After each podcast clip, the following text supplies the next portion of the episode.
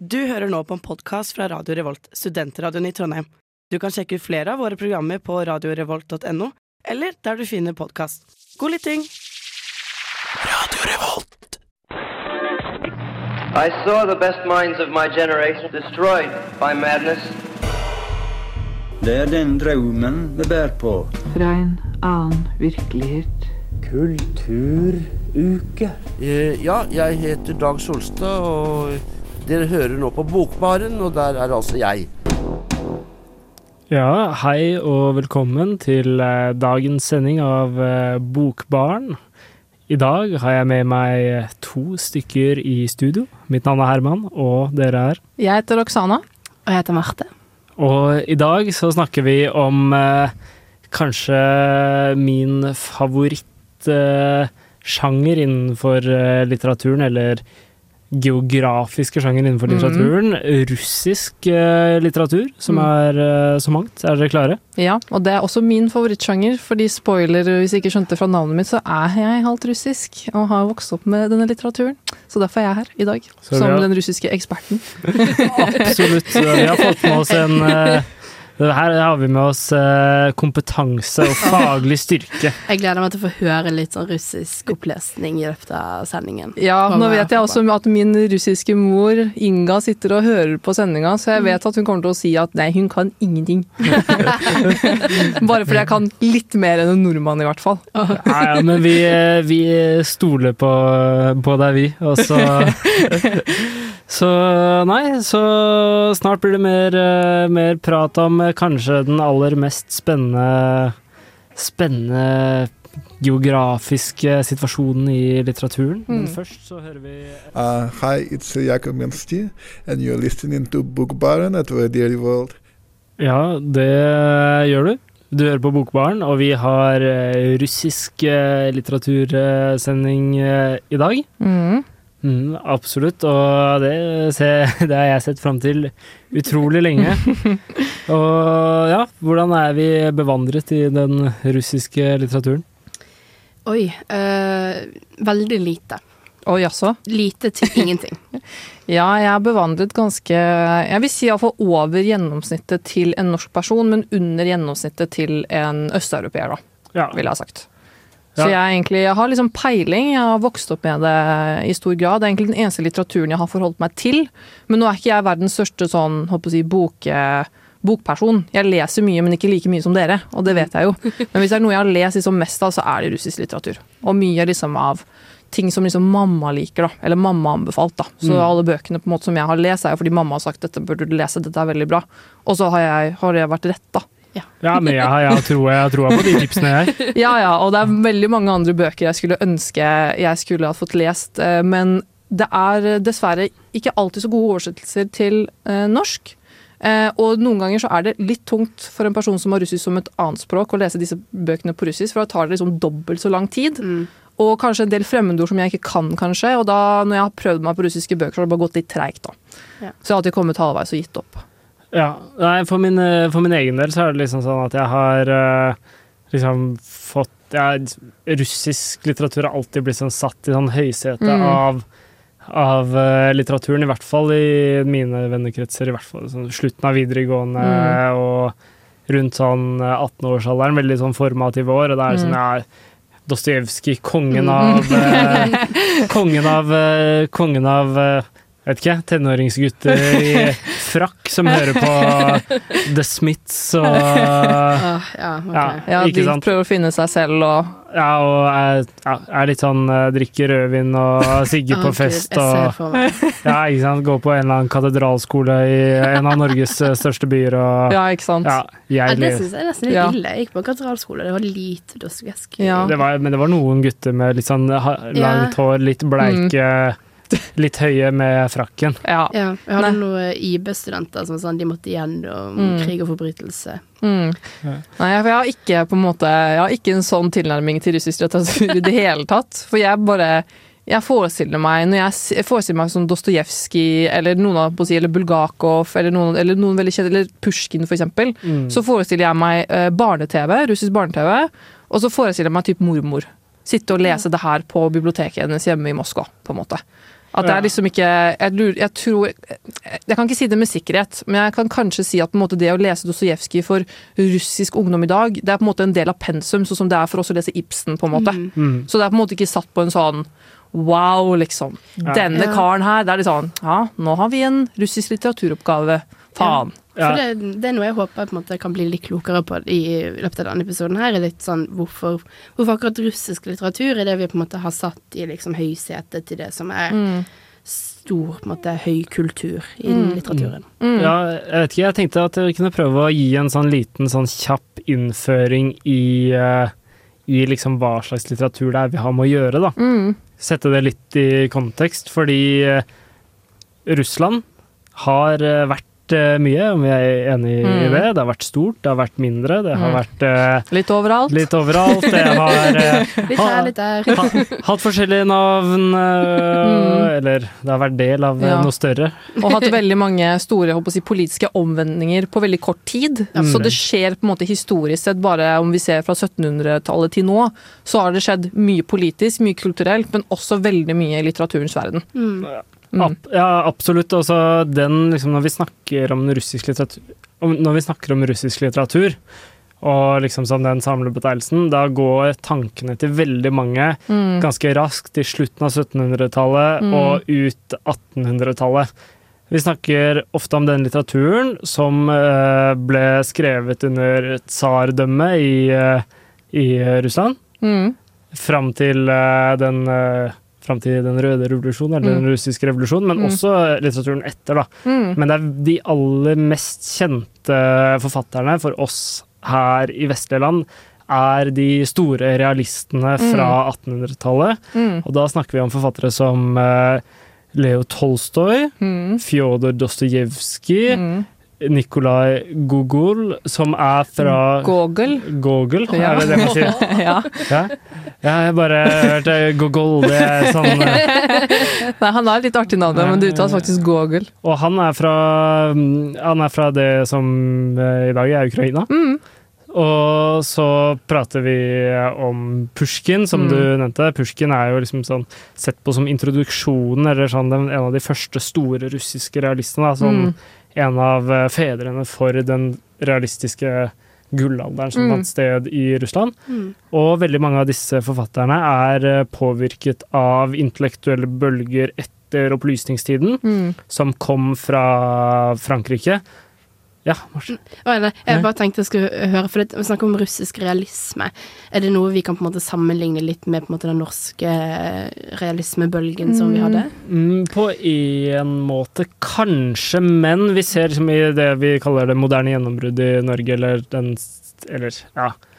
Så ser man litt av det samme, men det handler, om, det handler veldig mye om å beskrive store, store Mm. samfunnsproblemer Mm. eller uh, tankeprosesser som er inspirert av opplysningssiden. Norge var litt senere på det her, og Mm. det kom i et litt annet, litt mer sånn uh, kompakt format. da. Mm. Det er sånn, Mens den russiske tradisjonen eh, der ser man liksom store tusenbindsverk, liksom. Så, Ja, sant? tusen, tusensidersverk, Mm. mener jeg.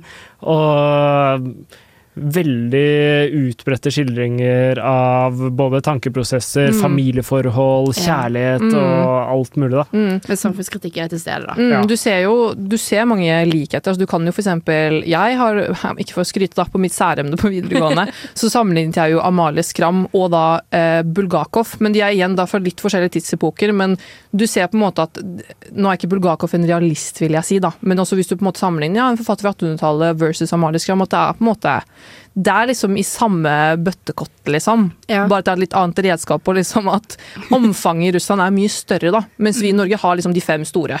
Mm. Og det er på en måte det. Ja, ja, ja, det er sånn vi snakker om det, men Russland er, liksom, det er så mangefasettert, så mange forfattere fra forskjellige perioder. Mm. Og så har vi noen som vi digger her i Vesten, men de er for veldig mange større enn våre egne forfattere. da. Mm. Så nei, absolutt en respektert eh, litterær eh, tradisjon som vi kommer til å snakke masse om, og som Mm. det er ufattelig mye å prate om. Ja. Men eh, Jeg, jeg tror det er trygt å si at eh, det finnes ikke nok tid i verden faktisk på Radio Revolt til at vi kan snakke om russisk litteratur. Nei, Så Vi burde ha et eget program bare dedikert til russisk Ja. litteratur. ja, faktisk. Kanskje om ti år hadde vi blitt ferdig. Ja, vi får en spin-off av Bokbaren som bare tar for seg den russiske litterære tradisjonen. Yes! Dette er Lars Elling, og du lytter til Bokbaren. Ja, det er uh, russisk sending eh, her i Bokbaren i dag. Russisk stemning. En, eh, en eh, litterær eh, sjanger og kategori som eh, vi setter veldig pris på. I hvert fall jeg, utrolig. Veldig formativ for meg i oppveksten.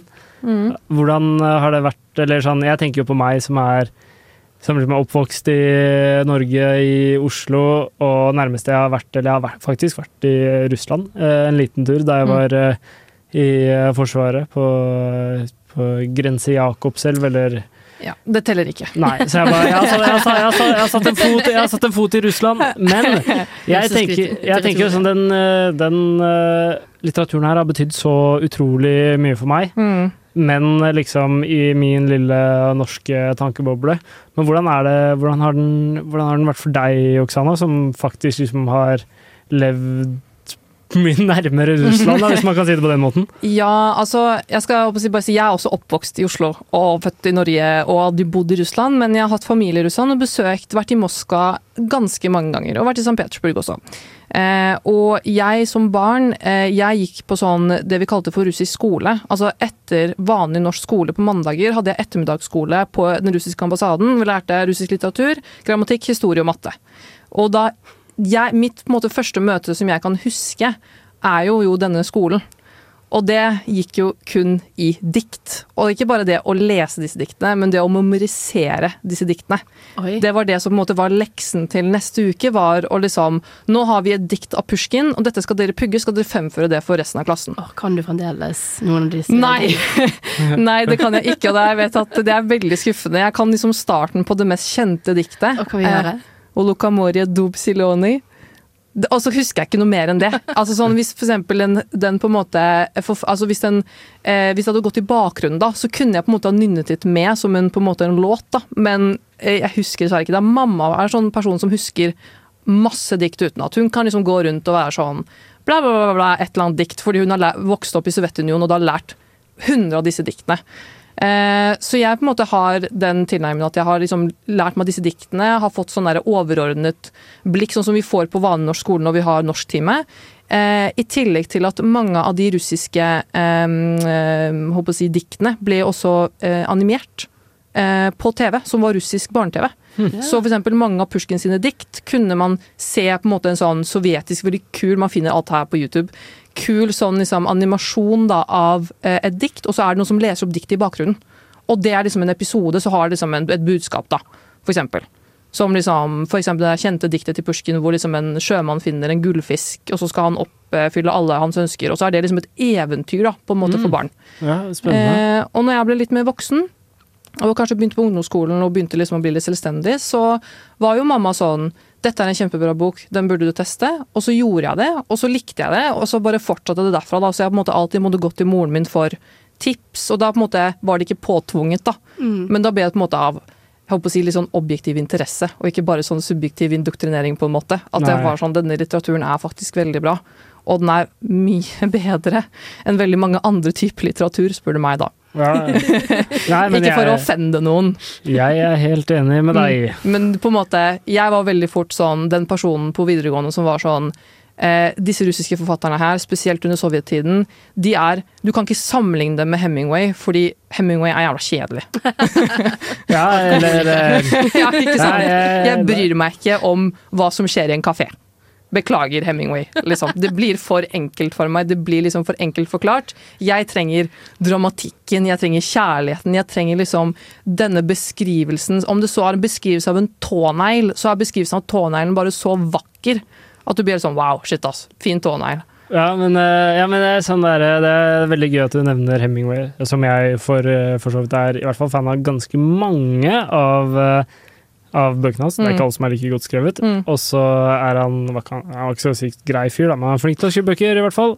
Mm. Sånn som det gjerne er med forfattere. Mm. Men han eh, var veldig stor fan av eh, russisk litteratur, faktisk. Ja, ja. Han elsket eh, Dostojevskij, Mm. og han, eh, i hvert fall brødrene Karamazov, og så var han veldig glad i uh, Turgenev. Mm. Ivan Turgenev. Som er en av mine, som er kanskje er min favoritt-russiske eh, forfatter. Ja. Nei, men det er liksom eh, definitivt på en måte at Jeg tror også det som er forskjellen med en person som på en måte vokser opp Eller ja, jeg vokste opp i Vesten, jeg òg, da, men på en måte kommer fra Vesten, og en person som kommer fra Østen, er at jeg også har på en måte For meg er Dostojevskij og Tolstoy litt sånn kjedelig. Mm, ja. Det er sånn, ja, det er jo ikke Jeg sier ikke at det er dårlig, selvfølgelig, hvis man Altså, les det. For all, men jeg har ikke lest alt. Jeg har ikke giddet fordi at det er så mye mange andre forfattere. Jeg tror liksom, Hvis du hadde spurt på en måte mormoren min, så hadde hun nevnt som, hva er din favorittforfatter, så hadde hun aldri nevnt Dostojevskij. Eller Tolstoy, liksom. Hun hadde nevnt så mange andre forfattere som på en måte er så og så mye bedre. Mm. Og som er mye mer interessant å lese. Eh, og jeg tror spesielt liksom at for oss, for oss østeuropeere, så er liksom de sovjetiske forfatterne de står veldig sterkt i dag. Mm. Ja, men da blir det sikkert forholdet litt sånn som vi har til Bjørnson og Kielland og Lie og Ibsen. Ja, På en måte 1800-tallsforfattere. ja at det Mm. blir litt sånn dette er skole, og ikke en interesse, på en måte. Men Ja. må leses, da. Ja, absolutt. Russisk litteratur må leses, uansett hvilket år det er skrevet i.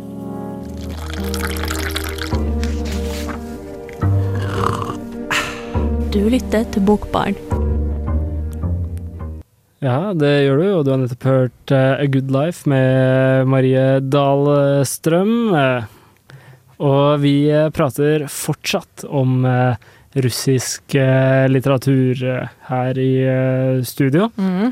Og ja, vi fikk liksom høre om ditt møte med liksom, den russiske litteraturen, eller din oppvekst med den russiske litteraturen, Mm. Oksana. Mm. Men greide du å få deg noen favoritter i løpet av den tida, eller? Og absolutt. Jeg har Jeg kan iallfall si at jeg har to som på en måte står helt øverst for meg. Den ene er en, eh, da, en forfatter eh, som skrev romaner, og, eh, som heter Mikhail Bulgakov. Han skrev veldig mye under Stalin-tiden, og var eh, Altså, han, det, han, han, er f.eks. kjent for 'Mesteren og Margarita', som er for så vidt også ganske kjent i Norge. Det er han som har skrevet 'Hundehjerte', f.eks., som også håper å si, er ganske populær i Norge. Norge. Eh, og han skrev på en måte veldig sånn satirisk, da. Altså han var veldig kritisk til Stalin på en tid hvor det ikke var greit å være kritisk til Stalin. Eh, så mye av hans bøker handler veldig mye om det å være kritisk, gjøre narr av, da.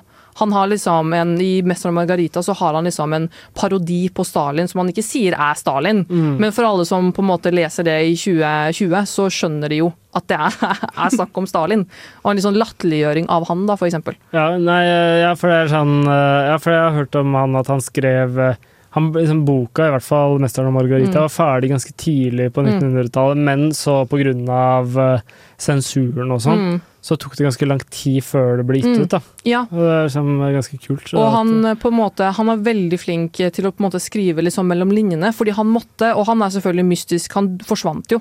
På, under mystiske omstendigheter, Ja. selvfølgelig. Eh, eh, ingen vet hvor han har begravd, ingen vet hvor han døde, ingen vet noe om hva som har skjedd med han. Kanskje Stalin, hvem vet, det er bare hot take. Men, men uansett, altså, han på en måte skrev veldig veldig mye ting mellom linjene, og det er på en måte sånn Eh, hvis du på en måte ikke kan den eh, historien fra den tida, så skjønner du det kanskje ikke.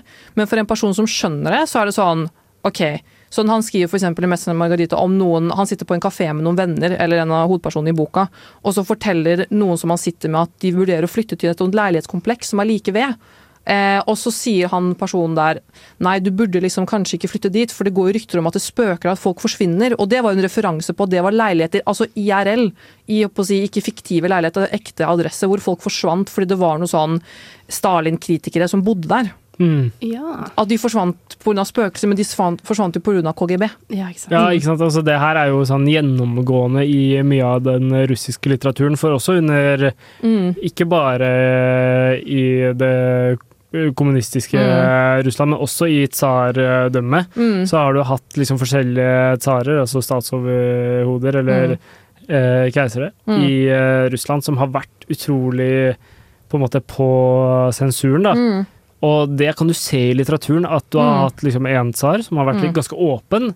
Veldig franskinspirert, ikke sant, og eh, opplysningstid Mm. og frie, frie tøyler på folket. Da er litteraturen friere. Men når, med en gang det innskrenkes og blir sensur, da er den mer sånn subtil og samfunnskritisk Ja. og sånn, og det går igjen. Liksom. Du kan Ja. se det i bølger i litteraturen. Da. Det er veldig kult. Men han har f.eks. andre bøker som er eh, altså Som jeg nevnte, 'Hundehjerte', eh, som er bare altså, veldig enkel, veldig kort bok. Veldig enkel handling. Forskere finner en hund på gata som er hjemmeløs. De, han får et, det han kaller for et kommunistgen, denne hunden liksom får et kommunistgen, og så blir hunden en idiot. Og det, det er liksom budskapet i boka, da. At uh, han blir bare alkoholiker, han gjør masse dumme valg fordi han er kommunist, da. Mm. Fordi Bulgakov var så kritisk da, til kommunisme. Som er jo ikke veldig gøy, men Mm. igjen så har han nå forsvunnet, da. Eller forsvant. Uh. Uh, og så vil jeg nevne en annen eh, forfatter også. Han er poet, da. Eh, og det er Sergej Jesenin. Det føler jeg veldig få i Norge har hørt om. Mm. Eh, og han skrev kanskje noen av de beste altså poesiene jeg har hørt i mitt liv, liksom. Og han også døde under mystiske omstendigheter, eller det gikk eh, Altså, det ble sagt at han hang seg selv på et hotell i St. Petersburg, hvor jeg og mamma har vært, da. For vi håper å si morbid curiosity. Vi måtte bare innom og sjekke hvor det var. Men så har man i ettertid, på en måte, med alle bevis som har funnet, at sannsynligvis var det staged, da. Mm. At det var noen som drepte ham, men de staged til å se ut som et selvmord. Fordi han var veldig kristen, og skrev ikke nødvendigvis kritiske ting, men veldig sånn gammel russisk kristendom som er på en måte veldig fin, og den er veldig sånn eh, romantisme på en måte inspirert. da. Og han skrev veldig mye med det på en måte at jeg har mistet meg selv fordi jeg har mistet mitt forhold med Gud og sånne type ting. da. Veldig jeg håper å si, broken man. veldig sånn. Men han har skrevet virkelig en av de beste på en måte diktene som finnes. da. Han, en, hans siste dikt var jo til hans selvmordsdikt som var skrevet i sitt eget blod. Oi. Ja. Men som man i dag på en måte ikke vet er faktisk han som har skrevet, eller noen i KGB da, som skrev det foran. Men det er iallfall i hans blod da, som han skrev. Så han har veldig sånn overdramatiske greier, da. Ja, ikke sant. hva med deg, eh, hva med deg, Marte? Hva tenker du om eh, ha, har, har, har du lyst til å lese noe russisk? Oi. Uh, ja, Mm. jeg får jo det. Eh, altså sånn bare på en måte den novellen som jeg leste i dag, på en måte var veldig på en måte vakker, og på en måte noe som er litt i den duren. Mm. Uh, absolutt. Uh, spesielt den du snakket om eh, Å gud, dårlig hukommelse. Hunde, Hundehjerte. Mm. Hundehjerte. Gir litt sånn Animal Farm-vibes, Ja, men Ja. samtidig ikke, på en måte. ja, altså det er på en måte ikke sånn Det er på en måte ikke ment som en sånn å, jeg er antikommunist og jeg er på en måte ideologisk uenig. Mm. Det er bare det at han på en måte observerte det som foregikk i hans levetid, og var Ja. sånn Dette her er litt dumt. Ja, ja. Hva faen holder dere på med? Og så prøvde han å på en måte latterliggjøre det litt, da. Mm. Ja, absolutt. Og det er, sånn, sånn der, eh, det er en av de tingene som fanget meg veldig med den russiske litteraturen. At den Mm. er så på en måte dypttenkende da, på en måte, og kritisk, men også sånn på mange forskjellige måter. Mm, og håper å si det som du sier med at eh, russisk litteratur er veldig dypttenkende, men det er på en måte det som er det fine. Jeg tror russisk litteratur hadde ikke vært det samme, hadde det ikke vært for språket. ja. Fordi det russiske språket, altså det går Altså beklager Nor Norge, holdt jeg på å si, men du kan ikke nå det samme litterære nivået på det norske språket som du kan på det russiske språket.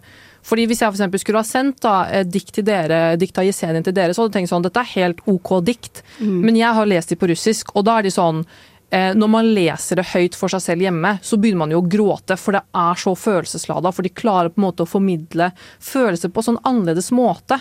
Mamma er også en av de som når hun har for lest opp disse diktene med meg som barn, da for lest noen triste dikt, så har mamma sånn som på en måte blir gråtekvalt med det hun leser. Jeg er sånn 'Mamma, kom igjen, da.' Hun er sånn 'Ja, ok', og så fortsetter hun, da. Men det er fordi det er så tungt, da. Ja. Og det bærer på en måte mye av måte det derre følelsesmessige livet som jeg føler nordmenn er veldig sånn ja, følelser er, ja, Snakk om følelser, men ikke for mye. Mens russerne er sånn fucking snakk om det. Du skal, altså, din ektemann, du skal være villig til å dø for han, liksom, for du skal elske han så mye, på en måte. Mm. Ja. Nei, men det er liksom det her jeg skulle veldig gjerne ønske at jeg kunne lese russisk, fordi at Eller eh, kyrillisk, eller russisk kyrillisk, på en eller annen eh, måte. Mm. Det hadde vært veldig, veldig deilig for meg, fordi jeg vil veldig gjerne lese mine favoritter på originalspråket. Mm. Sånn personlig så tror jeg mine favoritter innenfor uh, russisk litteratur er uh, Ivan Turgenev, som Mm. ofte blir oversett litt i kontekst av eh, ja, Tolstoy og Dostojevskij, Mm. som en sånn her eh, treer med realistiske forfattere. Han har Mm. skrevet en uh, bok som heter 'Fedre og sønner' på, uh, på norsk, som Mm. er utrolig god, ikke, ikke så lang. God oversettelse og tar for seg liksom relasjonen mellom eldre generasjoner og nyere generasjoner og far-sønn-forhold på en veldig Mm. Veldig sånn dyp måte. Veldig, veldig sterk. Jeg husker jeg hørte Eller jeg leste den for et par år siden og syntes den var utrolig gripende. Og så Jeg er jo sånn, det vet jo i hvert fall du godt, Martha, at jeg til og med de norske, som er Så liker jeg de grå og kjedelige, og eller de liksom Ja.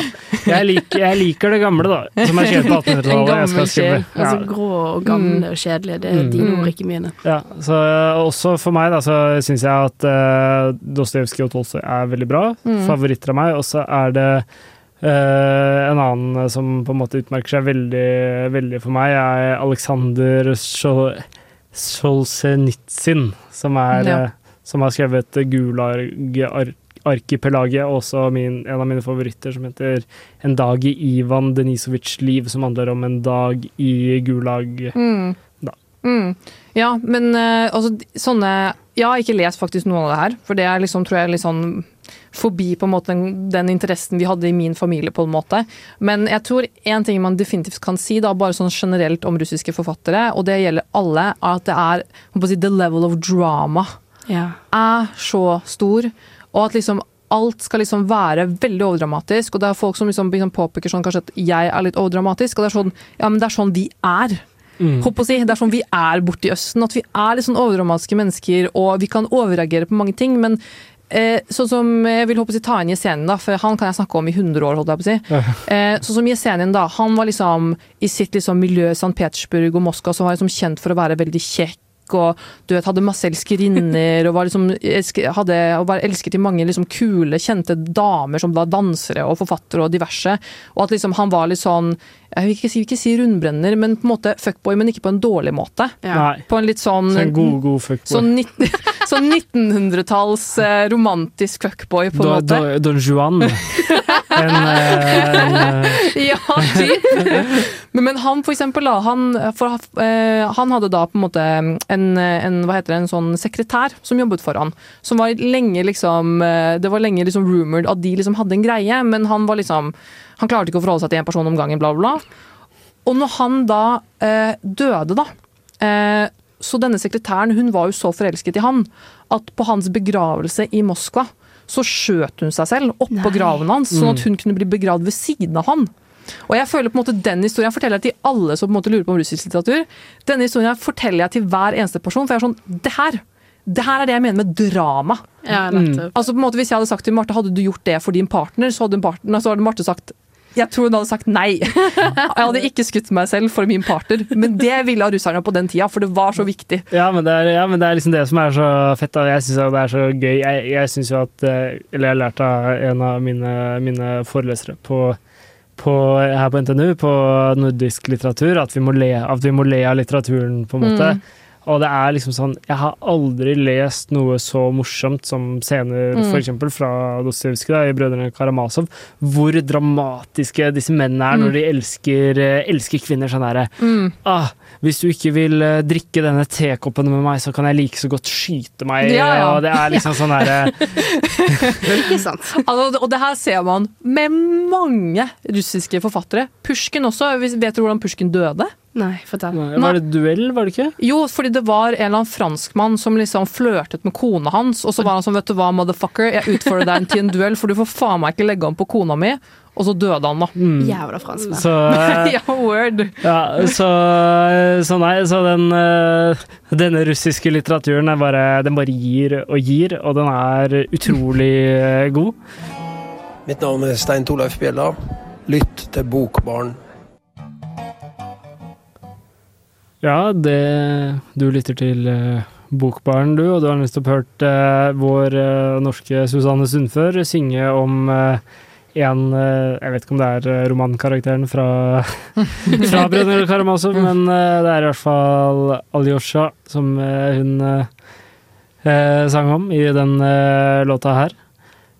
For å forberede denne, denne sendingen, så har vi Eller har jeg sendt ut eh, et bu, eller et, eh, en forespørsel om eh, en novelle vi kunne lese, eller et lite, en lite, et lite litterært stykke vi kunne lese Mm. til sendingen av en av, en av mine favoritter, en annen favoritt. En av de mest kjente forfatterne og dramatikerne fra Russland. Mm. Anton Tsjekhov, Mm. som er, som er Kanskje er Russlands i hvert fall kanskje største dramatiker eh, Mm. gjennom tidene. Mm. Kanskje en av verdens største dramatikere gjennom tidene. Jeg har Mm. liksom fått inntrykk av at for eh, oss, da, så har vi, eh, så har vi Ibsen her i Norge og i Europa, Mm. som er liksom en av, sett på som en av de største, og i vest, vestlige land kanskje som arvtakeren til Shakespeare, da, på mange Mm. måter. Veldig utrolig populær. Mm. Mens i alt på en måte øst for Tyskland, eller også i Tyskland mange steder, så er det- det Tsjekhov som, Mm. Som gjelder. Han er utrolig eh, stor og hadde en av de største sånn dramaproduksjonene, eller mest suksessfulle dramaproduksjonene Mm. på slutten av 1800-tallet, starten av eh, 1900-tallet. Han er av en litt senere generasjon enn liksom, eh, si Dostojevskij og Tolstoy. Han ble Mm. født i eh, 18, eh, 1860, da, i eh, det som da var det russiske imperiet, da, som Mm. nå er eh, Russland, og døde, døde i Tyskland i 1904, da, så han ble ikke så gammel, han ble bare 44 år, Mm. men skrev utrolig store litterære verker, hovedsakelig kjent for sine skuespill, men også skrevet, uh, skrevet noveller, da. Så nei, det er, det er dette deres første møte med Tsjekhov? Ja, det er nok fort det. Ja, eller, eller jeg eh, håper å si jeg har lest masse Tsjekhov, jeg. Mm. Mm. Jeg har sånn novellesamling hjemme hos mamma, så Mm. Ja, jeg tror det eneste på en måte, jeg vet om han, er vel kanskje den Chekhovs gun, mm. hvis det er samme person. Ja, at det er liksom den der eh, den filmtingen at hvis det, du ser en Mm. Hvis du ser en uh, pistol i første Mm. scene, så kommer den til å brukes i Ja. tredje, Mm. tredje scene. Så han er på en måte utrolig, utrolig uh, kjent, og Mm. jeg eh, har, jeg har litt, litt erfaring man eh, eh, fra før. Jeg har, eh, jeg har lest eh, novellen vi har lest til i dag. Mm. Dama, dama med hunden. Eller hunden. På, da jeg var eh, litt yngre enn nå. Mm. Kanskje, kanskje i starten av 20-årene, ikke midt i 20-årene, som, jeg- som eh, jeg er nå. Eh, og så har jeg lest eh, et skuespill som heter Onkel Vanja, Mm. som jeg syns er helt, helt fantastisk. Mm. Nei. Jeg har håper å si, lest den derre Tsjekhovs samlede novellesamling som man kan få her på Norsk Bokhandel. Og der er det ganske mange noveller. Jeg husker ikke hva alle heter. det er bare at jeg husker liksom handlingen til novellene, på en måte. Men han er altså, ja, en sånn på en måte en forfatter som du gjerne lærer eh, eksisterer og lærer å lese i litt eldre alder. Dette er ikke sånn typisk sånn dette er det du gir til barn, eh, men dette er gjerne det du leser når du går på ungdomsskolen og på videregående, da tror jeg i Russland. Eh, og jeg tror, jeg ville faktisk tro at han er fortsatt like populær i dag blant eh, jeg håper å si Østens ungdom. Mm. Fordi at han er, eh, han er bare så god til å snakke om kjærlighet. Ja, men eh, ja, absolutt. Og sånn er det, vi har lest eh, nå, den novellen vi har lest, 'Dama den er jo utrolig eh, kjærlighetsfylt, om Mm. jeg kan eh, si det sånn. Mm. Han har en annen, jeg husker jeg selvfølgelig ikke hva den heter, men han har en veldig anerkjent novelle eh, som bare handler om eh, noen menn som sitter på en bar og drikker. Mm. Eh, og at det sitter en dame som på en måte er sånn typ som en spøkelsesaktig skikkelse. Men at, er det bare sånn, det er ikke noen spesiell handling i denne novellen, annet at han sitter og på en måte grubler på livet sitt. Og det er sånn novelle du på en måte får tårer i øynene av. Fordi at ja, det, det skjer ingenting på disse 30 sidene, men det skjer samtidig så mye. Mm. Mm. Ja, altså I den novellen vi har lest til i dag, 'Dama med hunden', så møter vi en eh, karakter som heter Dmitrij Gurov Mm. fra, fra Moskva, som Mm. reiser til eh, Eller som er eh, på ferie på, Mm. i, i Hjalta. Mm. En, eh, om jeg har forstått det rett, en eh, badeby i Ja, det er på, Syden. På, ja, på, eh, på Krim. Mm. Som eh, ja, Jalta-avtalen er en sånn kjent avtale, så der ligger samme sted som de Mm. skrev under, under den, men eh, litt før. Så denne Gurov er på, er på ferie på Eller i byen Jalta Hjalta, og møter, eh, møter en dame som heter Anna Sergejevna. Mm. Til tross for at eh, Gurov først er skeptisk til denne damen, blir han veldig gradvis tiltrukket av hennes sjarm og personlighet. Og til slutt så innleder disse to eh, menneskene som allerede har en partner, Mm. en affære her nede på Hjalta. Gjennom forholdet oppdager både Gurov og Anna at de har funnet en dyp og meningsfull kjærlighet. Mm. Men på den andre siden så innser de veldig at eh, denne situasjonen de står overfor er utrolig vanskelig. De har hver sin familie, de må reise mellom St. Petersburg og Moskva for å opprettholde den. Mm. Eh, Gurov må selv takle frykten for å bli eh, oppdaget og fordømt av eh, liksom, ja, samfunnet for forholdet til denne yngre Anna, mens Anna er også overfor et vanskelig valg mellom sin plikt overfor sin ektemann, som hun har, eller sin ja, ektemann i St. Petersburg, og med sin familie, så blir hun på en måte Er det valget mellom det og valget mellom kjærligheten? Mm. Og sånn tematisk så er dette en eh, novelle som hovedsakelig handler om kjærlighet, lidenskap, forpliktelse og frihet, menneskelig frihet. Og liksom på en veldig gripende måte så portretterer Tsjekhov eh, de komplekse følelsene og indre konfliktene som oppstår når to mennesker forelsker seg og utfordres av liksom samfunnets normer og forventninger. Mm. Så, så jeg har, så ettersom jeg har forstått det, så er dette en av liksom, de mest respekterte novellene, mest anerkjente litterære produksjonene til uh, Tsjekhov. Og for min del så oppfatter jeg den som absolutt like rørende i dag som den var den ble skrevet for over 100 år siden. Mm. Eh, og jeg kan også gjerne legge til at eh, si, i, altså Hjalta altså sånn, kanskje det, ikke er på en måte, det er kanskje ikke åpenbart, men det blir på en måte åpenbart for meg som russer, er at eh, har en veldig stor betydning i på en måte vår kultur. fordi at hvis du, Jeg tror mange som har lest mye russisk litteratur, kjenner igjen at Odessa, Hjalta og Kaukasus kommer igjen. Og det er bare fordi at hvis du har et bilde av Hjalta i hodet, så er det et vakkert, vakkert, vakkert og fint sted. Mm. Eh, hvor liksom det å dyrke kjærligheten er liksom eh, veldig sentralt. Det er på en måte ikke, jeg tror ikke det er tilfeldig at han har valgt Hjalta eh, som et sted å skrive handlingen om, i tillegg til at han faktisk var på Hjalta da han skrev denne novellen, faktisk. Mm. Og skrev den da eh, etter at han møtte sin hustru, da.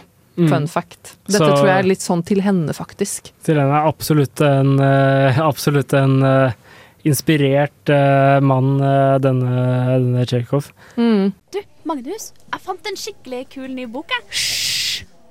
Du kan ikke snakke ved biblioteket, men du kan høre på Bokbarn hvis du har headset.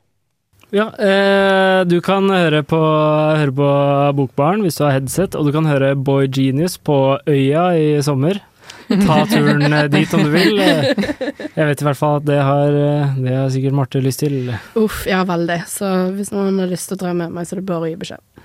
Mm. Men uh, vi, har, vi har lest novelle. Vi har lest uh, Tsjekhov, dama, 'Dama med hunden'. Hva, hva syns dere? Uh, jeg liker den uh, veldig godt. Den er, altså sånn, den er veldig kort, og den er veldig Den beskriver ting også veldig kort, men den klarer likevel å skildre veldig mange av de komplekse følelsene man føler ved en forbudt kjærlighet. Som da er, jeg vil si at nesten forbudt kjærlighet er en kink for mange. Mm -hmm. det gjør kjærligheten mye hottere, fordi som, som Herman nevnte før låt, så igjen to mennesker som allerede er i to ekteskap, forelsker seg på ferie. Eh, de er litt sammen, men innser at dette her går jo ikke. Man kan ikke fortsette, sånn i all evighet. Hva gjør man? Og konklusjonen i novellen er at det kommer til å bli vanskelig. Ja, ikke sant? Ja, det, det, ja. ja men det er liksom det, det som jeg, jeg syns den fanger en sånn eh, Fanger en sånn følelse Jeg kan ikke si at jeg har kjent så mye på den, eh, på den selv, men, eller jeg har kjent veldig på mye den derre på, på den store kjærligheten, da. Mm. Og det er liksom sånn derre På én måte så liksom den fanger følelsesperspektivet, og jeg føler at kanskje dette er i hvert fall så godt vi kan gjøre det med det norske språket. Mm. da. At denne novellen fanger litt av det der eh, intense kjærlighetsperspektivet Mm. som vi ser i russisk litteratur på Mm. Ja, og og hvis jeg får lov til å lese bare bitte litt fra novellen, da, bare sånn at eh, dere lyttere på en måte skjønner da hvor, eh, hvor drama queen eh, vi alle er. Eh, ok, så Anna Sergejevna og han elsket hverandre som meget nærstående, beslektede mennesker, som mann og kone, som inderlige venner. Selve skjebnen hadde forutbestemt for dem for, ne, for, dem for hinanden, dansk, det blir vanskelig for meg, eh, eh, og det var uforståelig hvorfor de var gift med på hver sin kant. Eh, det var som om de var to trekkfugler, en, en han og en hund, som har blitt fanget og tvunget til å leve i atskilte bur. Ja, og det er bare det er så ekstremt vakkert. Det er liksom bare sånn Mm. der, Disse menneskene elsker hverandre Mm. så inderlig Mm. selvstendig, og så er de fanget av sine forhold på Mm. hver sin side. Du får virkelig fram på en måte dramat dramatikken i det Ja. med liksom sånn okay, det, det er to stykker som er på en måte fysisk fengslet fra hverandre. At liksom Mm. disse ekteskapene er på en Mm. måte så eh, Som de egentlig er inngått i, så på en måte fengslende. Ja, ikke sant. Og eh, jeg føler at denne novellen også gjenspeiler veldig hvordan Tsjekhov var som person. Eh, fordi at han var jo gift med en dame som het Olga. Eh, og han, han var liksom litt kjent også på sin tid til å være en sånn ungkar som på en måte ikke klarte helt å committe, bortsett fra til den damen her, da. Og han skrev jo blant annet til en, en av sine venner, da, som tror jeg på en måte egget han litt på det med at de skulle gifte seg, så skrev han i et brev til han eh, Jeg kan gjerne gifte meg om du foretrekker det, men på disse betingelsene. At alt, eh, alt må forbli som det har vært fram til nå. Vil si hun hun må bo i Moskva mens jeg bor på landsbygda, og jeg vil reise og besøke henne. Og så kommer den beste setningen. Gi meg en hustru som i likhet med månen ikke dukker opp på himmelen hver dag. Oi. altså, ja, og det, det var akkurat det han gjorde også med denne hustruen. Jeg tror eh, denne novellen, da, som også er skrevet på Hjalta, eh, og da også handler om Hjalta, på en måte resonnerer med at han er hjemme i Hjalta, han er syk med tuberkulose, Mm. og han da drar og reiser til denne, eh, til denne kona si, og på en måte den derre separasjonen gjør kjærligheten sterkere, for kjærlighet skal gjøre litt vondt. Ja, ikke sant? Sånn kjærlighet kan ikke være på en måte eh, hyggelig familie på Kjelsås eh, på en måte som har alt. Ja. Det må være litt problemer for at det som skal være nok passion i et forhold. Det skal være stikk i hjertet. Det skal være stikk i hjertet. Ehm, og han skrev jo også senere til denne, for han utveksla jo eh, ganske mange eh, brev da, med denne kona si, og hvor han på en måte Jeg kan f.eks. Lese, eh, lese her også. Eh, jeg vet ikke hva jeg skal si annet eh, enn at jeg allerede har sagt det tusen ganger, og at jeg sannsynligvis vil fortsette å si det i lang tid fremover, nemlig at jeg elsker deg og ingenting mer. Verken du eller jeg har skyld at vi ikke er sammen. Demonen som besatte meg med basiller og din kjærlighet til kunsten. Altså Uff. veldig sånn Hvis jeg hadde fått sånne brev, herregud Altså, typen må, må skjerpes. Hei, Nikolai. Ja, hei, Nikolai. Du. Må skjerpe seg litt. Nei da, men dette at man på en måte at han Det å lide Mm. er Selv om man tenker sånn selvfølgelig vil vi ikke lide, jo, vi må lide. Ja, ikke sant? Hvis ikke er det ikke noe gøy å Ja, leve. Nei, ja, og, men så er det liksom sånn der, og det reflekteres sånn i det enormt svulstige språket som uh, Tsjekhov uh, bruker, bruker her, da. Og så må vi tenke liksom bare Ok, greit. Vi tolker det sånn her i, uh, i vår tid, Mm. men uh, hvordan hvor, eh, hvor drøyt er ikke dette å skrive i et eh, I liksom Da det kom ut? Ja, men jeg tror på en måte det var en slags sånn Jeg tror det ligger veldig mye i på en måte eh, litt sånn samfunnskritikk, da. For det skrives også i novella at eh, begge disse to, både Anna og, eh, og, eh, og Gurov, ja, at de begge to var gift veldig tidlig. Mm. Og at de giftet seg, og det var vanlig jo på den tida, at man gifter seg jo når man håper å si er fødeklar, eller hva jeg skal kalle det. Men at man gifter seg tidlig, og så lever man, og så har man på en måte et tabu å skille seg, det er tabu å være utro, spesielt for damen. For det er jo veldig tydelig at det er mye vanskeligere for Anna Sergejevna i denne novellen Å, å skille ja. seg fra mannen Mm. enn Gurov, fordi Gurov, som det også står i novella, han var jo utro flere ganger, men denne gangen ble han faktisk forelsket, da. Ja. Mm. Ja, det er, liksom, ja, det er liksom det som er med Gurov, at han liksom har vært, liksom, han har vært litt utro, Mm. utrofyr, men nå har han han møtt ute i kalde eh, Anna. Ja. Ja, ja. Men, at han på en nå- måte endelig møter noen som eh, altså det, er, ja, det er det tabu, da. At Mm. ja, man gifter seg tidlig, og det er ikke noe kjærlighet inn i forholdet. Og så møter man en annen person, og det er jo ikke lov for de å skille seg. Vet du faen, det var lov å skille seg på den tida engang. Altså, Nei, det er det, er, ikke sant? om det var lovlig eller om kunne faen meg bli hengt for det, altså helt sikkert. altså, det aner jeg ikke. Men at han på en måte prøvde å skildre det der med at eh, Ja, og det å være fanget, da. Som jeg føler veldig mange Jeg tror hvis Tsjekhov hadde vært dame, så tror jeg at novellen hans vært Eller det har vært mye bedre, faktisk, å skille det her fra et dameperspektiv. Ja, for han, han, han er veldig flink til å få fram på en måte denne forskjellen her da, mellom eh, eh, Gurov som på en måte er litt sånn laissez-faire og på en måte Mm. Ja, ja, dette her ordner seg. Ja, Herregud, ikke gråt. Dette her Ja. går fint. Mens Anna er bare helt fra seg fordi Mm. at hun føler seg så skitten, og hun Mm. føler seg så på en måte som en dårlig kvinne, men jeg, jeg elsker denne mannen. Mm. Så hva, hva mer kan man gjøre? Ja, for det er, sånn, det er en øh, Det er for de som ikke har lest den, så, spiller, så er det en scene på et teater teater i St. er. Petersburg der det er Gurov uten, øh, uten noen beskjed i forkanten oppsøker Anna mens hun er med sin øh, sin Mm. øh, mann på, på teatret i St. Petersburg. Mm. Og når han skal ut og røyke, så går Gurov og setter seg ved siden av henne og overrasker overrasker henne, og de går ut og begynner å prate sammen, og hun sier sånn derre Åh, jeg vil så gjerne være med deg, men du får ikke lov til å komme til St. Petersburg, jeg må komme til Moskva for Mm. å besøke deg. Så det er Mm. sånn på hennes bekostning. Sånn, Ja. sånn, der, sånn, du kommer til å ødelegge alt jeg har her, Mm. hvis du kommer hit, Mm. men for deg så burde det være helt greit å Ja. gjøre det i Moskva. Altså sier 'jeg har aldri vært lykkelig, jeg er så ulykkelig', og nå øh, Og jeg vil aldri bli lykkelig. Aldri. Men la meg ikke lide mer. Jeg sverger på at jeg skal komme til Moskva, men nå må vi skilles. Min kjære, gode, min dyrebare. Vi må skilles. Og det var Mm. sånn Mm.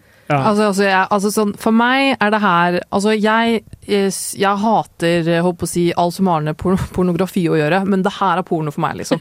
Ja. Dette er sånne ting som gir meg gåsehud. Det sånn hvis jeg skulle ønske det hadde på en måte skjedd med meg, i virkeligheten. Ja. Ikke det at jeg ikke får være med den jeg personen jeg elsker, men på en måte den derre nivået av at det her er så vondt, og det her er så kjipt, fordi vi elsker hverandre så høyt. Og at han Mm. kommer liksom overraskende, og hun på en måte nesten besvimer, og at hun løper vekk, og at hun er helt sånn herregud, liksom. Men at man skjønner at yes, hun ville det på en måte, da. Ja, jeg tror det er samtlige jenter på BookTok som Mm. må på en måte komme seg vekk fra liksom disse pastellfargede bøkene, Mm. og så lese dette her. Mm. Ja. Og de kommer til å spise det opp. Mm. Ja, så til alle dere som bare har lyst på litt uh, russisk eh, Litt sånn introduksjon til russisk, noe ekte, noe ektefølt.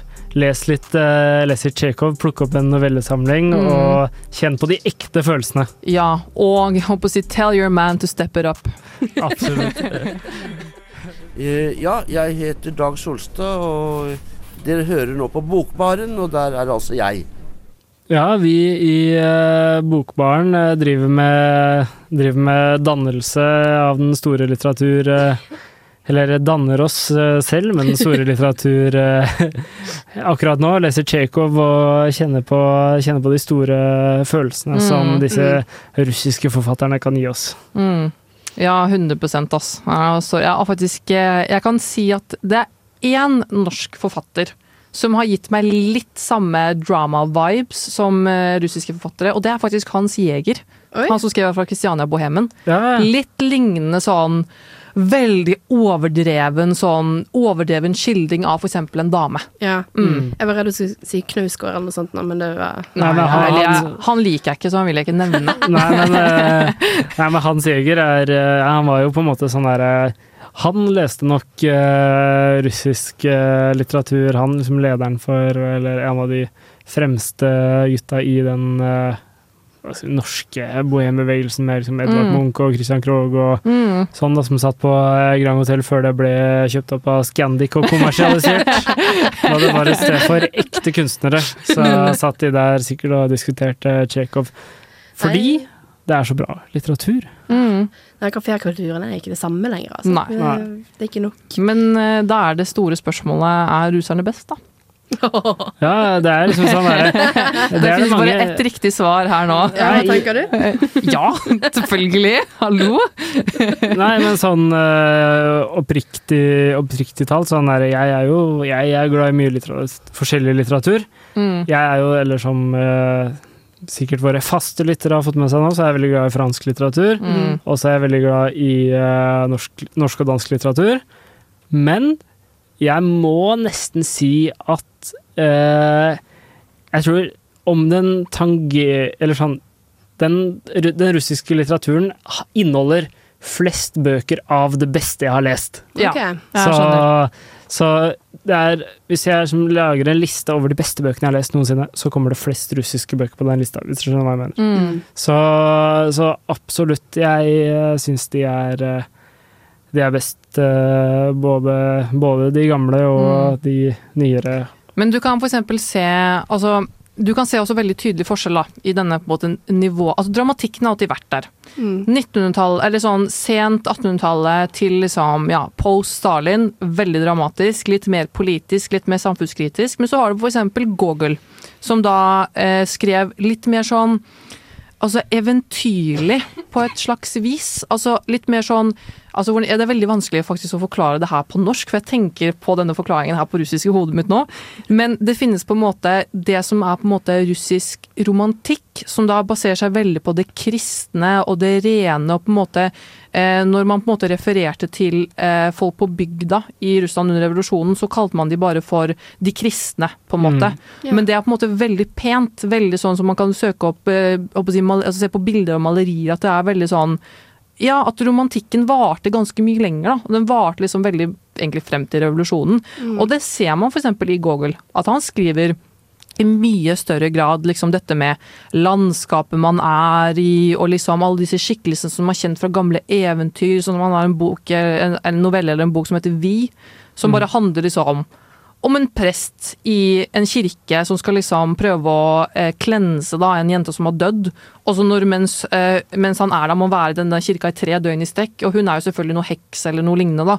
Og da kommer det opp masse demoner og masse monstre, da. Og så er det liksom én ting, da. Han må ikke se på dette monsteret som heter Vi, for hvis han ser på dette monsteret, så dør han. Mm. Og liksom kjempeveldig sånn slavisk, mystisk på en måte vri. Handler ikke så veldig om politikken i seg selv. Man dreit liksom litt i tsaren, for man bodde jo liksom 100 dager å gå fra nærmeste tsar, på en måte. Ja, men han har jo også en eh, bok som heter Døde sjeler, om Ja. jeg ikke tar eh, feil. Der handler det om en fyr som drar rundt og har på en måte, han det på en eller annen måte krever inn noe penger fra Mm. folk som allerede har dødd, på en måte. Mm. Så det er sånn der, han ja. Ja, han var veldig obsess med døden. da. Google Mm. er veldig sånn depressed. eh, Sannsynligvis hadde fått en eller annen diagnose i dag.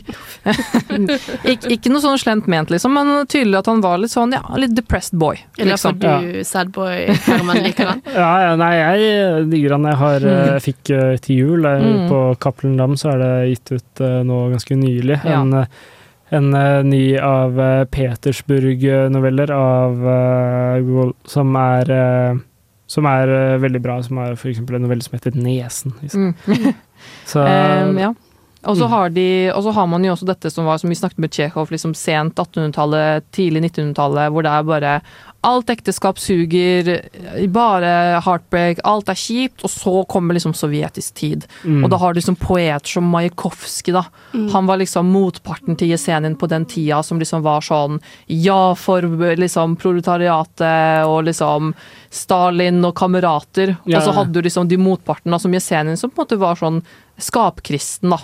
Mm. Ja, det var egentlig ganske åpenbart at han var kristen, men på en måte han Mm. sa det liksom ikke like tydelig da, som han ville gjort i dag, eksempel. Ja, for det er liksom sånn eh, ganske spennende med liksom, måten eh, ideologien splitta liksom, Mm. kunstnermiljøer og sånn. Du har f.eks. andre som var ganske involvert i kommunistpartiet, f.eks. Maxim Gorki. Mm. Som eh, Jeg har ikke lest noe særlig om han, men jeg har bare hørt av Eller han er bare står som en veldig anerkjent forfatter, i hvert fall sånn som Mm. jeg har oppfattet det. da, Mm. Veldig liksom Mens var veldig på, på kommunismen, da, Mm. i mange settinger. Ja, ja, og, eh, og du har liksom eh, den her, det derre skill... Altså, det, på grunn av at Russland alltid har liksom alltid skjedd noe.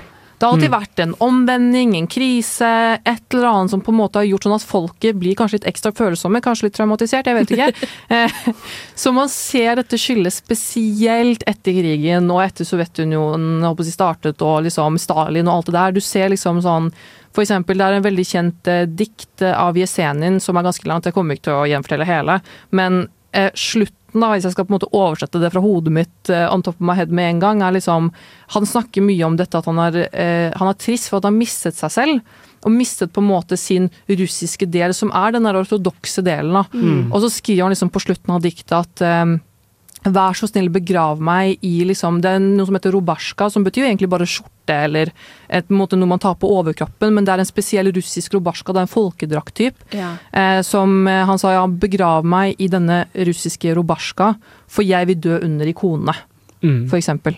At det er liksom eh, Mens Majakovskij var sånn Let's go, Tavarishi.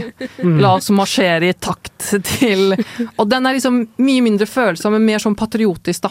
Mm. Så man ser på en måte disse kontrastene veldig. Og jeg har bare, jeg vet at jeg babler i hjel, fordi dere har invitert meg på en sending som jeg har ventet på veldig lenge.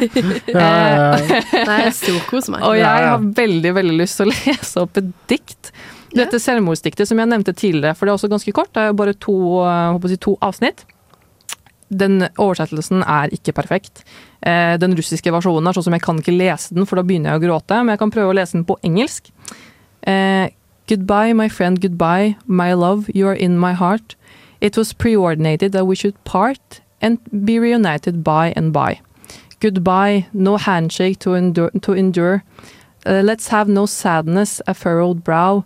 There's nothing new in dying now, though living is no newer. Og den på en måte russiske versjonen av det siste setningen, det å si at liksom at vær så snill ikke gråt for meg, fordi det er ikke noe nytt i å dø, men det er jo faen meg ikke noe nytt i å leve heller. Mm. Hvorfor på en måte skilde tårer for noe som er vanlig? Nei. Og jeg bare, altså, Det er sånn som jeg kjenner i kroppen nå, at jeg var sånn Å, herregud. Jeg elsker deg, i scenen din. Jeg skulle Ja. ønske at jeg var den jævla sekretæren. ass. Herregud. Ja, og her i Bokbaren så elsker vi eh, Ja, vi elsker eh, russisk litteratur. Jippi! Ja, og setter pris på den. Og den er eh, Ja, i hvert fall så har vi et lite representativt utvalg her som mener at den kanskje er best. Ja. Vi snakker mer om eh, russisk litteratur i våre tider snart, men først så hører vi Hallo, dette er Karl Ove Knausgård. Hver gang jeg er i Trondheim, så hører jeg på Bokbaren. Et fantastisk, eh, fantastisk bokprogram. Ja, Knausgård er også fan av eh, russisk litteratur i, Mhm. I eh, Min kamp bind 2, som for så vidt jeg syns er et ganske svakt bind i den serien. Så skildrer han eh, at han sitter på en annen kafé i enten Malmö eller Stockholm og leser Brødrene Karamazov, som han har kjøpt i en støvete utgave i et antikvariat på svensk. Og vi har eh, nettopp hørt eh, på Slutface med 'Cowboys in the Dark'. Og vi prater fremdeles om eh, den eh, russiske litteraturen, mm. som eh, er, seg, den, er, den er så aktuell i alle aviser eh, som jeg, jeg, jeg er veldig glad i å lese nettaviser. Det er min hobby. I hvert fall litt sånn, ikke nisje, nisje Det er ikke nisjeaviser, men litt sånn kulturaviser er jeg veldig glad i. Eh, Weekend-avisen og Morgenbladet i Norge og sånn. Det er ting jeg leser ganske Mhm. ofte. -hmm. Og veldig ofte så står det om russiske forfattere. De er absolutt dagsaktuelle. Mm. Og nå har det seg sånn at uh, vi lever i en samtid uh, som er uh, noe konfliktfylt. Mm. Der vi har en fullfrontskrig mellom det som er Russland og det som Mm. er Ukraina. Mm. Ja, for det, det er jo vanskelig å på en måte ikke legge skjul på at det er litt betent Mm. tema, spesielt rundt på en måte eh, Russland. Og da er jo et spørsmål som på en måte må tas opp, er jo kanskje litt sånn Er det, er det greit å lese russ, russisk litteratur? Mm. um, i den verden som vi lever nå. Um, vi snakket jo litt tidligere om um, for eksempel i uh, Ukraina så er det flere ukrainske um, mennesker med uh, bokhandler som slutter også å selge og på en måte kvitter seg med bøkene sine som er på russisk. Um, hva, hva, hva tenker dere? Eh, jeg kan eh, bare Jeg kan bare starte kort og Mm. bare si min mening. Den er jo ganske eller Min mening om sånne ting er jo ganske etablert. Jeg mener ikke at uh, man skal slutte å lese Mm. lese bøker på Eller slutte å lese dårlige bøker, da, men sånn ikke uh, men, uh, men det, er, det er ikke sånn at vi bare kan avskaffe kulturarven fordi at det er noe trøbbel i nåtiden. Det er, Mm. ikke sånn Det her er viktig, det er, det er historie, det Mm. er fantastisk kunst. Det er liksom sånn Mm. derre- Det går ikke an å bare slutte å lese noe som har vært så viktig for en hel Mm. menneskehet. Det her er noe som har påvirka liksom, absolutt alle. Og så har du liksom Russland, som er på en måte eh, Russland er på en måte en sånn etablert grense mellom Mm. øst, og, øst og vest her i verden, da, Mm. som påvirker alt grense, grenser til grenser til alle land! Ja. og det påvirker alle land. Det grenser til Norge, og det grenser til Japan eh, gjennom, gjennom eh, øy og kyst og Mm. sånn, og det leses eh, Russisk litteratur leses like mye i Japan som i, som i Norge, liksom, og det er Mm. utrolig, og det har en påvirkningskraft, og det er viktig at vi ikke slutter å lese den. Mm. Og jeg syns det er Altså, jeg syns det er total tull å slutte å lese russiske uh, bøker. Og jeg vil også bare påpeke det at hva man på en måte legger i russiske forfattere og russiske bøker, de vi har snakket om, har for det første enten vært sovjetere Mm. eller fra det russiske imperiet, ikke fra dagens Russland. Eh, når jeg kan si med en gang jeg er ganske kritisk til disse bokhandlene i Ukraina som da kaster russiske bøker, fordi veldig mange av ukrainske forfattere skrev disse bøkene på russisk, som Gogel for eksempel, eh, og at det er på en måte før i tida, da, nå skal ikke jeg være sånn og nå altså mimre tilbake til sovjettiden, det er mye kritikkverdige forhold man kan si der, men på den tida så var du ikke russer, du var ikke ukrainer, du var ikke liksom eh, latvier eller whatever, du var en sovjeter. Mm. Så man kan, egentlig, man kan egentlig i veldig store trekk kalle det for liksom sovjetisk litteratur, men i en sovjetisk litteratur handler det mer om faktisk kommunistisk, ideologisk Mm. litteratur, så derfor det er vanskelig å på en måte sett, da, men sovjeternes sovjeternes litteratur, da, om jeg kan Mm. kalle det på den måten. Mm. Og altså når Før i tida, i, før Peter den første, så het det Kiev Russ. Som betyr Altså, Kiev var hovedstaden i, gammel, i gamledagens Russland. Mm. Så hvordan man på en måte skiller, samme som man i Norge, da, at man under den tida hvor Norge var under Danmark, at man har noen forfattere sånn Er han dansk, er han norsk? Ja, men han er født i eh, Bergen, men han utdannet seg i København. Hva er han da? Så krangler man litt om eierskap. Mm. Det blir litt samme greie, og det blir for dumt, syns ja, jeg. Ja, men det er jo liksom sånn der, vi har jo hatt kriger mellom eh, Det er- er lenge siden, da, men vi har jo hatt kriger eh, Krig mellom eh, Norge og, Mm. Norge og Danmark eh, før, og det har vært eh, vært masse som har skjedd der, men det er ikke sånn at vi slutter å lese Mm, nei. danskene her. Og på samme måte som det er ikke innafor å slutte å lese amerikanske bøker, selv om USA har vært en jævel. Det er ikke innafor å, å slutte å lese f.eks. israelittiske bøker fordi at Israel som en stat er en jævel. Altså, mange stater er en jævler. Hvis du skal på en måte gå i den derre hvem er verst av alle, så er på en måte det er ikke innafor å slutte å lese tyske bøker bare pga. Hitler, Ja. på en måte. Jeg skjønner veldig godt hva du mener. Og Med mindre det åpenbart er hat da, eller politisk Ja. propaganda. Det er jo en annen ting. ikke sant? Hvis det er liksom bøker i dag som er skrevet av liksom russere i dagens Russland som skriver negativt om Ukraina og den konflikten, Mm. det er jo en annen sak. Men Jesen, Bulgakov, Dostojevskij, Tolstoy, Gogol, eh, Tsjekhov, Lermontov, Akhmatova Altså, sorry, Mac. Det, de, altså, de kan godt hende at de var, var ukrainere. Altså, man vet jo at de, alle disse liksom, nasjonaliteter var så blandet, da. Og de har ingenting med det her å gjøre. Mm. Jeg kan skjønne veldig godt at det er veldig på en måte, betent for ukrainere. um, som står og på en måte ser sin måte, suverenitet bli veldig truet av denne konflikten, og Mm. at det kan være et veldig vondt symbol. Mm. Men jeg er veldig enig i det du sier, og det er på en måte min innstilling til dette her er, litt sånn som for eksempel hvis du skal diskutere Hamsun, Mm. eller du skal diskutere Harry Potter, er på en måte den der Så Mm. lenge det du gjør eh, og det du på en måte konsumerer, ikke aktivt, enten økonomisk, Mm. men også sånn som du sier, ideologisk, på en bidrar til hat, så kan du gjøre det. Mm. Jeg tenker det å lese eh, Dostojevskij, om du skal lese på en måte Tsjekhov her Mm. Du, du bidrar ikke økonomisk til krigen, og du Mm. på en måte bidrar heller ikke til um, noe som eh, jeg vet ikke er en trussel mot ukrainere, da, eller på en måte ukrainsk Nei. Og da må det på en måte være greit å på en måte, i hvert fall sette noen skiller. Ja ja, og det finnes jo bibliotek. Du kan, du kan leie en bok uten å støtte noe. Biblioteket har betalt boka for deg. Ja, ja men det er liksom eh, Det er, det er sånn, det, sånn det blir, da. Mm. Men uh, selvfølgelig, ting skal, skal gjøres i kontekst og i, i rammer, på en måte, men allikevel så kan vi ikke bare kaste, kaste kulturarven, Mm. eh, i hvert fall ikke for Disse, disse, mange av disse vi snakka om, Tsjekhov døde før, eh, Mm. før eh, Han døde før Stalin, han til og med. Ja, Tsjekhov, døde i 19- 1904. Det var liksom, han fikk ikke opplevd noen revolusjon engang. Nei, han, eh, han døde før tsar Nikolai 2., han til og med. Mm. altså Ja, så, så ikke sant. Så vi Vi leser selvfølgelig med kunnskap, men vi leser Mm. Eh, Vi leser også den eh, store, store og viktige Ja. litteraturen. Mm. så kan det være greit å på en måte oppsøke noe som på en måte er veldig spesifikk ukrainsk litteratur. Der på en måte Ja. prøve å på en måte fronte begge. ja, Mm. Les Gogol, for eksempel. Ja, absolutt. Du hører på Bokbaren.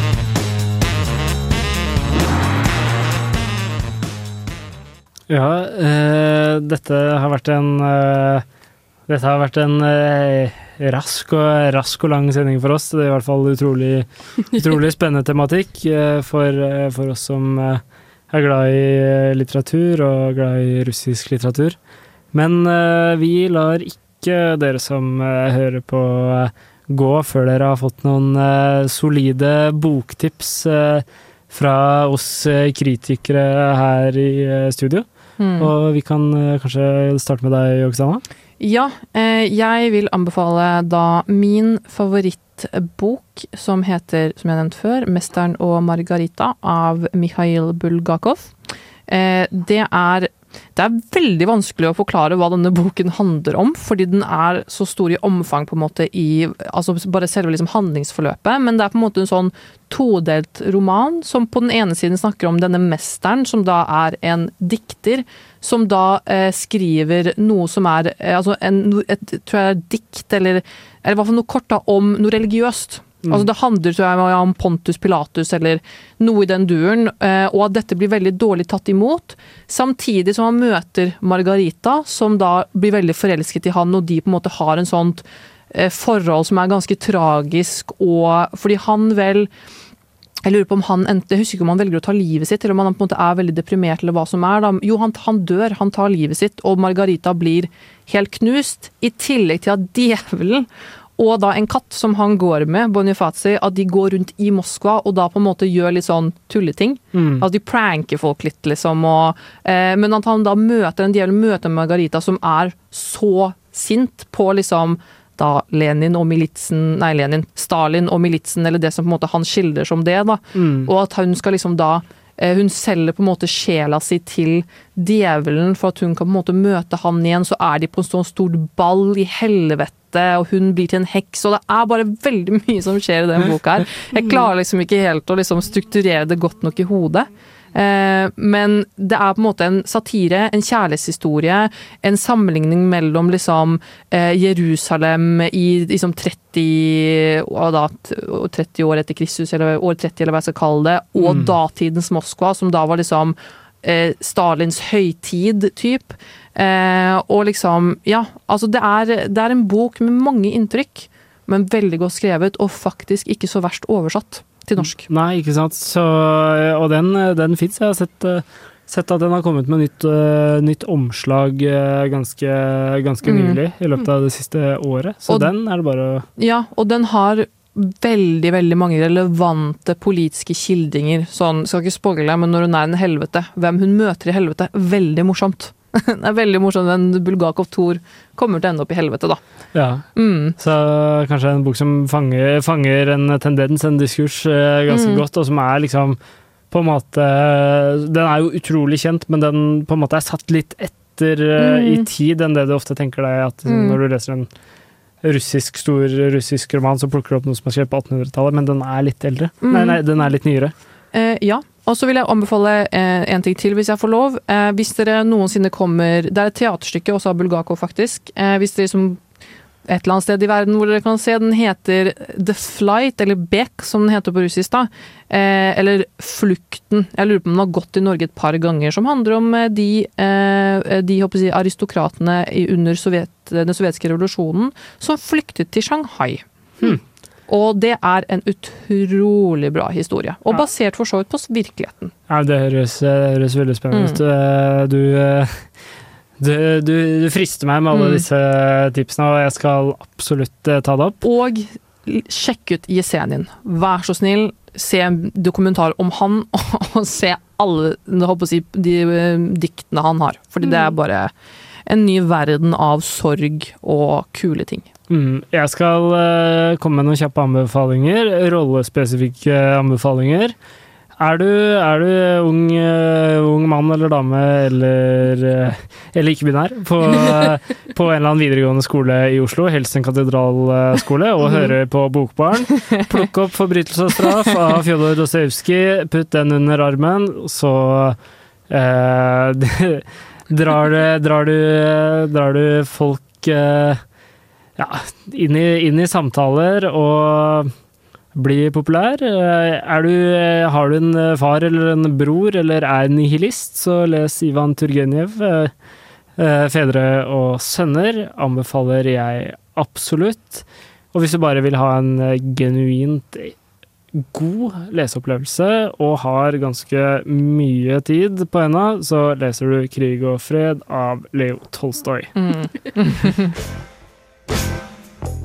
Jepp, dette er Frode Grøtten. Eh, Lytt på Bokbaren på Radio Revolt. Ta deg en eh, god drink. Ja, vi eh, i Bokbaren her har kommet til veis ende i vår russiske sending, og jeg vil bare si at jeg syns dette har vært, vært en utrolig god opplevelse, og takk for, eh, takk for gjestingen, eh, Oksana. Jo, vær så god. Jeg kommer når vi har eh, flere. Ja, men vi har jo Det er, det er mer, på, mer på lager hos oss, så Mm. Bokbaren er klar for det. Hva med deg, Martha? Er du klar for å lese mer russisk litteratur? Ja, eh, problemet mitt er at jeg har jo på en måte leseliste som er på en måte veldig lang, men Prioriter det. Eh, altså prioritere oss. Prioriter det vi har sagt. Nei, ta, ta en eh, Chekhov-novelle eh, på sengekanten hver dag, så, ja. så holder det til, det til sommeren. Høres nydelig ut. Ja. Men uh, tusen takk for at dere lyttet på. Tusen takk for uh, god gjesting. Mm. Og så høres vi i neste innslag av uh, Bokbarn. Mm. Ha det bra. Ha det. Du har lyttet til en podkast fra Radio Revolt, studentradioen i Trondheim. Likte du dette, kan vi også anbefale. Nerdeprat er programmet for deg som liker å høre prat om videospill og nerdeting med akademisk og humoristisk tilnærming. Dere vet hvordan når, fol- når folk sier at Mufasa fra Løvenes konge er kjekk? NT har litt samme vibbe, føler Du sier det selv. Du var favorite to win. Så da måtte jeg liksom gå for deg. Han sa aldri det du sa. Ja, var det. du har sagt det. Jeg har bare sagt at jeg var best. Mm. Så jeg tenker sånn Jeg hadde gift meg med Frostbite Spider, tror jeg. Ja, men helt ærlig. Ja, men, se, se her, her er tankegangen. setningen. Hør på Nerdeprat hver torsdag klokka fem til sju på Radio Revolt.